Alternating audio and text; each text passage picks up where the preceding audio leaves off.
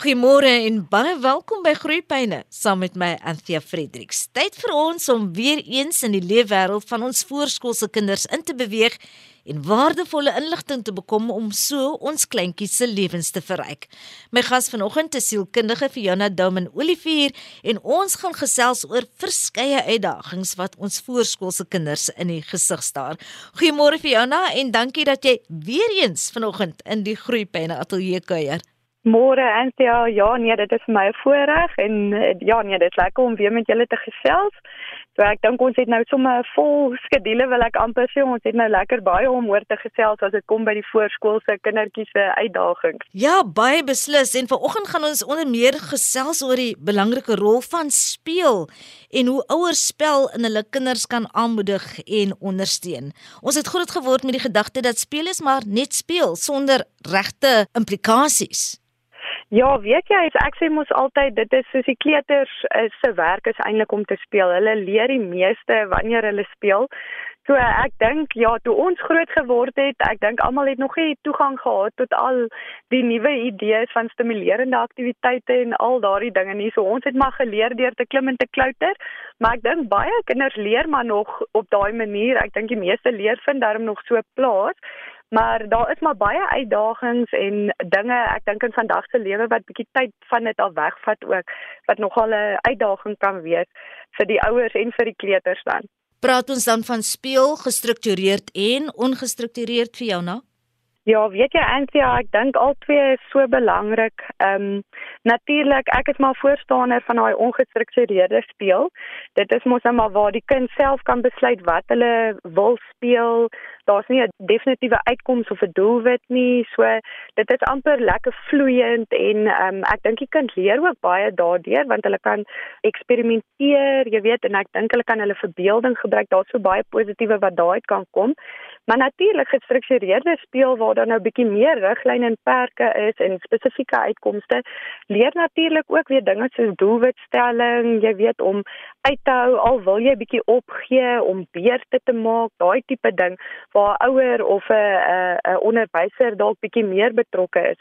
So albei is definitief so so belangrik, maar ek dink die grootste fokus is maar op ongestruktureerde speel en hoe ons dit bietjie meer in ons kinders se daaglikse lewe kan inpas. Hoe moedig ons ons kinders aan om te speel in 'n wêreld waar daar soveel opsies is deesdae vir hulle? Ja, weet jy Anthea, ek dink dit jy slaan die spyker daar op die kop. Daar is so baie opsies en dinge wat hulle aandag kan aftrek. Maar ek dink die beginpunt is baie keer ehm um, jy weet om nie vir jou kind so baie opsies te gee as dit kom by speel nie, maar miskien een of twee dingetjies of drie goedjies vir hulle uit te sit waar hulle kan kies baie keer om mee te speel. Ehm um, jy weet ek dink baie keer voel kinders verward as daar baie dinge om hulle gebeur of baie dinge is om van te kies. Want hoe kies jy nou? Dit is dit is net 'n onbegonne taak amper en dan gebeur dit ook baie keer dat hulle spring van een aktiwiteit na die volgende. So ek dink dit is baie belangrik om baie keer al wil en kan ons vir ons kinders baie gee om mee te speel om dit eintlik so bietjie te beperk en ehm um, natuurlik een groot iets ek wil amper sê 'n bron wat hulle wat hulle aandag kan aflei van speel is maar die skerms ook. So baie keer sien mense dat ouers vir kinders ehm um, jy weet 'n telefoon of 'n tablet gee om mee te speel as hulle nie eens vra daarvoor nie. En ek dink dit is so belangrik om daai grense ook as 'n ouer te ken om te weet ek gaan net nie vir my kind net gee as hy daarvoor vra nie en ook miskien ehm um, jy weet 'n verskeidenheid te gee maar ook nie te veel dat dit die kind verwar nie. En ek dink ook regtig jy weet hoe hoe meer hulle voel hulle kan eienaarskap vat van hulle speel. Daar's nie baie onderbrekings nie. Ehm um, jy weet daar's nie baie riglyne nie en hulle kom net in daai ek wil amper sê in daai gedagtespasie waar hulle kan agterkom, ene maar ek is in beheer en dit is nou lekker. Dan sal hulle eintlik meer gemotiveerd voel. Jy raak nou 'n baie belangrike punt die rol wat tegnologie speel en die invloed wat dit dan ook op ons kleintjies het want mense sien heel dikwels in 'n spreekkamer byvoorbeeld by die dokter of dalk ook by vriende dat 'n kleintjie eenvoudig vasgenaal sit met 'n tablet op die skoot en dit word dikwels gegee om hulle net besig te hou. En uh, skermtyd Dis 'n belangrike onderwerp want hoe vind 'n mens dan nou die balans tussen skermtyd en ander aktiwiteite? En gee ons dit maar nou net omdat dit vir ons makliker is as ouers. ek dink dit gebeur baie keer dat dit eintlik daar meer oor die ouer gaan as die kind se behoeftes daaraan want ek dink daar is maar baie dinge jy noem nou soos 'n spreekkamer daar is gewoonlik dinge wat hulle eintlik kan besig hou. Al is dit 'n tydskrif of al is dit 'n stukkie papier en 'n pen wat in jou handsak is. So baie keer weet die ouers dit gaan nie kind stil hou want dit is net maar 'n uh, media wil ek amper sê wat baie mos net maar veranderende beelde het en ligte en vorms en klank. So al daai um, stimulasie wat eintlik na die sintuie toe kom gaan die kind definitief sy of haar aandag hou maar soos ek sê daar's eintlik so baie opsies en mens moet maar self ek dink dit begin maar by die ouers om te sê jy weet ehm um, daar moet 'n perk wees. As ek dan nou weet ek gaan eers heen en dit sal my help dit is nie noodwendig verkeerd nie maar dan moet jy dit inbeplan wil ek amper sê by jou en die kind se dagroetine laat dit miskien vir 'n halfuur of 'n uur gaan wees en gewoonlik ook met breuke tussenin.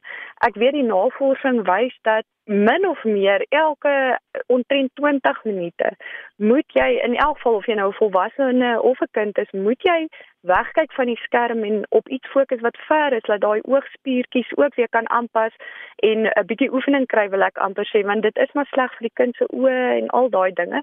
Maar ek dink dit is maar net beplan dit as jy dit gaan gebruik en dit moenie die enigste bron wees of die enigste opsie wees wat jy het om die kind dan nou besig te hou of um, ja, bietjie vir hom afleiding te gee nie. En dit moet ook heel dikwels as 'n mens kan, eh, ver dit jou betrokkeheid dat die kind dit nie afsondering doen nie want die beelde waarmee die kind gestimuleer word op 'n tablet byvoorbeeld dit's iets wat tot 'n bespreking kan lei daaruit voort kan ander goed vloei. Ja, nee, definitief. Jy weet, eintlik ja, hulle sê altyd in die kringe wat nou maar ehm um, die kinders wat praat oor skermtyd. Hulle sê hoe kleiner die skerm, hoe slegter is dit eintlik want dit dit haal die kind heeltemal uit die omgewing en dit fokus hom op 'n baie klein beeld. Ehm um, hulle noem byvoorbeeld laat dit televisie is baie beter vir 'n kind eintlik want hy let nog die beweging baie keer uh op wat om hom gebeur maar 'n telefoon of 'n tablet is 'n baie klein skermpie wat hom eintlik heeltemal uit sy omgewing uitvat en hom onbewus maak van wat om hom gebeur. En natuurlik ja, ek sou altyd sê 'n ouer moet saam met 'n kind kan sit en kyk en ook nog verduidelik wat gebeur want ek dink baie keer dit vat die kind se aandag en dit hou die kind se aandag maar of hy regtig dit verstaan of leer daarvan is 'n ander ding. Die navorsing wys ook dat kinders tussen 2 en 4 min of meer kan nie regtig wat hulle op 'n 2D skerm op 'n plat vlak sien, regtig oorskakel na 'n 3D realiteit toe nie. So baie keer kan hulle dit wat hulle op 'n skerm sien nie eens toepas in die regte lewe nie. So ek dink definitief daar's 'n ouer se verantwoordelikheid om dan saam met jou kind te sit, ehm um, miskien so nou en dan te stop waarna hy kyk en bietjie te praat daaroor wat het gebeur. Hoekom was die mannetjie of die karaktertjie so hartseer, jy weet, om bietjie te gesels daaroor. So dit bly maar die ouer se verantwoordelikheid ongeag die ouderdom van die kind. En dit bring my by 'n volgende vraag as ons nou praat dat ons met ons kinders saam sekere goed moet doen. Dis 'n baie uitdagende tydperk vir 'n ouer. Hierdie tydperk tussen 2 en 3 jaar oud van jou Peter en daardie koneksie wat jy as 'n ouer met jou kind het. Hoe behou 'n mens dit terwyl alles rondom jou net aan die verander is en dit voel asof dinge net buite verband geruk word? Ja, weet jy, dis soos ons vroeër gesê het en ja, daar's so baie dinge wat jou ehm um, aandag vereis, nê, nee, en die kindertjies se aandag kan trek. So ek dink dit kom dan neer op, op daardie konsep van kwantiteit ehm um, teenoor kwaliteit tyd. En wat wat definitief gewoonlik werk is die kwaliteit tyd is baie belangrik. Miskien het jy net 20 minute of 'n halfuur of dalk 'n uur met jou kind op 'n dag wat jy regtig met daai kind 'n uh, koneksie kan vorm En dan is dit so belangrik om net daai tyd regtig te gebruik om af te gaan op die kind se vlak om vir hom 'n kans te gee om vir jou te wys wat sy belangstellings is om regtig ehm um, jy weet jou telefoon eenkant te sit dat die kind regtig daai idee en daai gevoel kry van mamma of pappa stel nou regtig belang wat hier gebeur. En ek dink baie keer dan dink ons dit voel amper soos werk en moet ons nou 'n aktiwiteit uitdink vir die kind, maar jy kan jou alledaagse rotine taak saakies soos um, om winkel toe te gaan kan 'n leerervaring vir die kind wees en dit kan 'n kans wees wat jy het om met daai kind 'n koneksie te bou want dit is iets wat vir die kind vertel. Jy weet mamma of pappa kies nou om hierdie tyd saam met jou te spandeer en ek stel belang waaraan jy belangstel. So vra vra oor wat sien jy om jou? Uh wat gaan jy nou doen? Kyk hierdie klippie is dit vir jou die mooiste klippie of is dit vir jou die mooiste klippie? Ehm um, wat sal jy graag wil soek in die winkel as jy nou in die winkel is? Jy weet maar maak dit lekker vir die kind en laat die kind sien. Jy geniet eintlik die tyd om saam met hom of haar te wees Ja, ek dink net waar hy of sy kan voel, hulle kan weet wie hulle is en vry voel en veilig voel by mamma of pappa en daar is nie so baie riglyne nie. En ook om ingestel te wees op jou kind se emosies, maar dan ja. ook jou kind se persoonlikheid, want sommige kinders praat meer, is meer geselsrig as ander en sommige kinders is maar eenvoudig net introverte. Ja, nee, dit is dit is 'n feit. Ek dink dit is so belangrik en sê ja, laat jy regtig jou kind leer ken. Jy weet en hulle nie probeer dwing om in iets deel te neem of nou regtig hulle aandag te probeer fokus waarop jy belangstel of waaraan jy belangstel, maar regtig jou kind te ken. Jy weet wat sou vir hom of haar meer interessant wees. Ek dink dit gaan ook baie ver by jy weet as daar tekens baie keer is van vrees of van angs of 'n ongemak in, in jou kind. Jy moet jou kind ken voor jy daai dingetjies gaan optel in jou kind laat, maar hier is nou iets in die omgewing miskien wat my kind ongemaklik maak. So regtig al hoe jy dit kan doen is om 'n band met jou kind te bou, 'n verhouding met jou kind te hê en regtig tyd met hom te spandeer. Op die ou einde werk dit soos enige ander verhouding. As jy die kind wil leer ken en sy persoonlikheid soos jy nou noem, gaan jy met hom of haar moet tyd spandeer. En ek sê baie keer die maklikste manier om dit eintlik te doen is om vrae te vra en te observeer eerder as om leiding te wil gee en jy weet aan die stuur van sake te wees. Fiona, Kom ons gesels so 'n bietjie oor die emosies, emosionele intelligensie, die emosionele regulering van so 'n kleintjie van 'n Peter of 'n kleuter wanneer is mos iets soos 'n vloermoer. Ja, nee, ek dink dit is iets waarmee almal bekend is as hulle 'n 2 of 'n 3 jarige in die huis het. En die grootste rede sou ek maar sê is oor dat daai ou klein 2 of 3 jarige begin nou besef hulle kan dinge op hulle eie doen en hulle hulle kry eintlik meer selfvertroue en dit is eintlik wat ons wil hê in hulle. Hulle verstaan nog nie altyd perke en gevare nie, maar hulle raak definitief meer bewus en meer vertroud met hulle eie vermoëns en dit kom hulle baie keer dinge wil probeer wat nog nie miskien heeltemal reg is vir hulle ouderdom nie en dan natuurlik ook baie keer dan het hulle nog nie die woordeskat om uit te druk wat hulle wil doen of waarmee hulle sukkel nie en dit lei dan ook baie keer tot daai tantrums of die uitbarstings, daai emosionele uitbarstings van die 2 en die 3 jariges. Maar ek dink ook een ding wat baie keer gebeur wat ouers baie keer ehm um, en ek dink dikwels eintlik miskyk is dat baie keer kan die trigger wil ek amper sê of dit wat dit nou afskop kan ook baie keer net iets wees soos moegheid of of hongerte. So ek dink daar sal klaar begin punt wat mens net in gedagte kan hou as jy dan nou hierdie uitbarstings in jou 2 of 3 jarige het. Dikwels was die gedagte by al veral by ons ouer generasie as dit gebeur, dis 'n stoute kind. Ja, en ek dink dit is maar weer eens die ouers se verantwoordelikheid om eintlik bietjie meer bewus te wees van uh die ontwikkeling waarmee die kind besig is en wat nou min of meer in die breintjie gaan gebeur of met die lyfie gaan gebeur want ek dink as jy daai kennis het dan begin jy 'n nuwe perspektief kry en dan ek dink dit gee vir jou ook so 'n bietjie meer simpatie met jou kind se emosies. Ehm um, en dan ook maar werk aan jou eie frustrasie en hoe om dit bietjie beter te hanteer. Maar ehm um, Ja, mens kry natuurlik die kinders wat die grense probeer bietjie verskuif en so aan. So ek sou nie sê stoute kinders nie, maar dit is ook hulle werk om om dit te doen want ek dink ook daai grense en as jy dit op 'n goeie manier en 'n manier kan nog steeds in plek hou wat hulle veilig laat voel, dan kom hulle eintlik agter mamma of pappa gee regtig om en dit voel vir my dan kom hulle ook op 'n plek waar hulle dit meer respekteer, wil ek amper sê en bietjie meer aanvaar.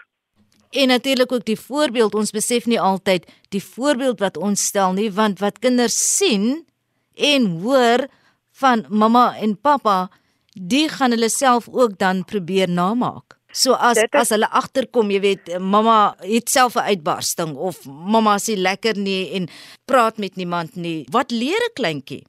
Dit is so waar weet jy nie Ansia ek sê ook altyd ehm um, as dit kom by selfregulering dan die nommer 1 ding is eintlik maar die die voorbeeld wat jy stel die model wat jy vir hulle is ek dink ook baie in die kringe as dit nou kom by selfregulering sal ons ook baie hoor die kinders praat van jy moet met die kind sit. Laat die kind eers as hy so uitbarsting het, laat hy amper eers op 'n plek kan kom waar hy bietjie rustiger is.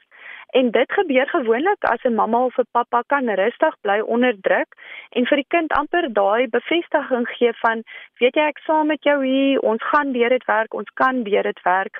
Mamma gaan rustig bly, kyk net na mamma, luister na mamma se hartjie. Jy weet mamma se hartklop of mamma se asemhaling. Doen dit saam met mamma, haal diep asem in en uit. Ek weet mense reageer soms en ek dink as mense reageer, kan jy ook baie keer net teruggaan en sê jammer, mamma het nou oorgereageer of pappa het ooreageer. Dit was nie reg nie, maar kom ons praat daaroor. En selfs met 'n 2 of 'n 3 jarige, dit is maar waar hulle emosionele woordeskat ook gaan begin laat hulle later vir jou kan sê wat in hulle emosies ook aan die gang is. Daardie feit dat ons as ouers onsself kan weerbaar maak in die teenwoordigheid van ons kinders om om verskoning te kan vra. Ja, weet jy Anthea en jy het ook nou nog gepraat van party mense sien nog kinders as stoute kinders. Hulle hulle gebruik nog daai woorde skat en so en ek dink dit koppel so baie keer met ook maar jy weet jou eie voorbeeld as ouer wat jy nou weer gehad het. Ek sê nie altyd die voorbeeld was jou ouers nie. Jy kon dit op enige plek gesien het en dan reageer jy en jy voel skaam om om om verskoning te gaan vra vir jou kind want dit voel of jy dan amper bietjie van jou beheer gaan weggee.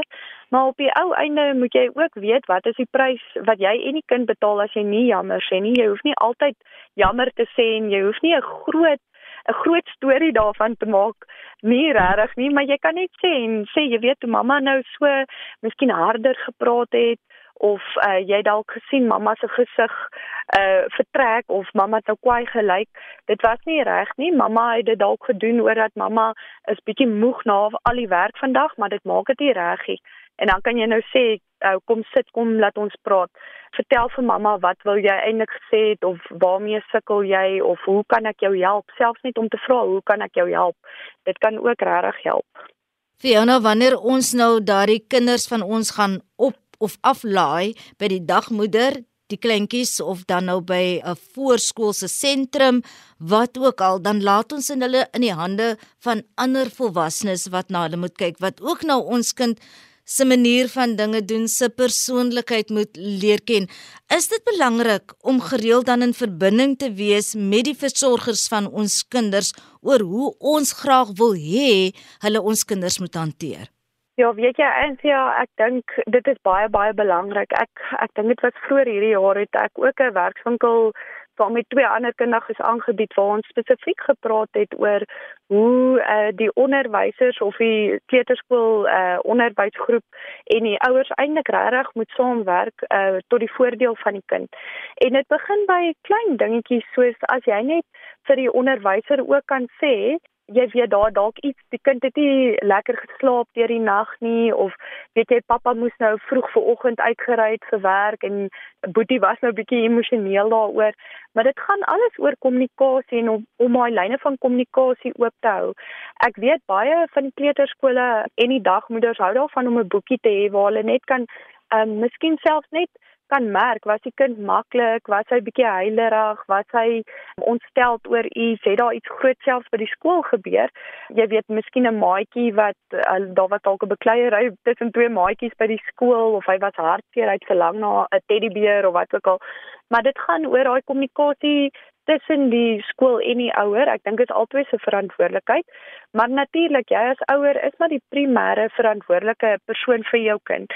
So ek dink definitief kan jy op 'n baie mooi manier, want dit dit is tog tot voordeel van die kind, ehm um, met jou onderwysgroepie of met die juffrou of met die onderwyser dan nou praat en sê jy weet waarmee jy ook besig is en hoe jy dinge hanteer of emosies hanteer by die huis. En so leer ons maar van mekaar op die ou einde dink ek.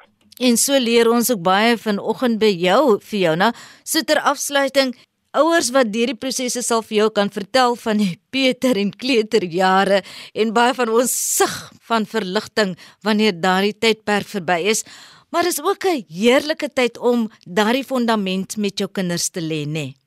Weet jy Antia, ek dink dit is een van die lekkerste tye as jy eintlik dink hoe hoe hulle verbeelding nog werk.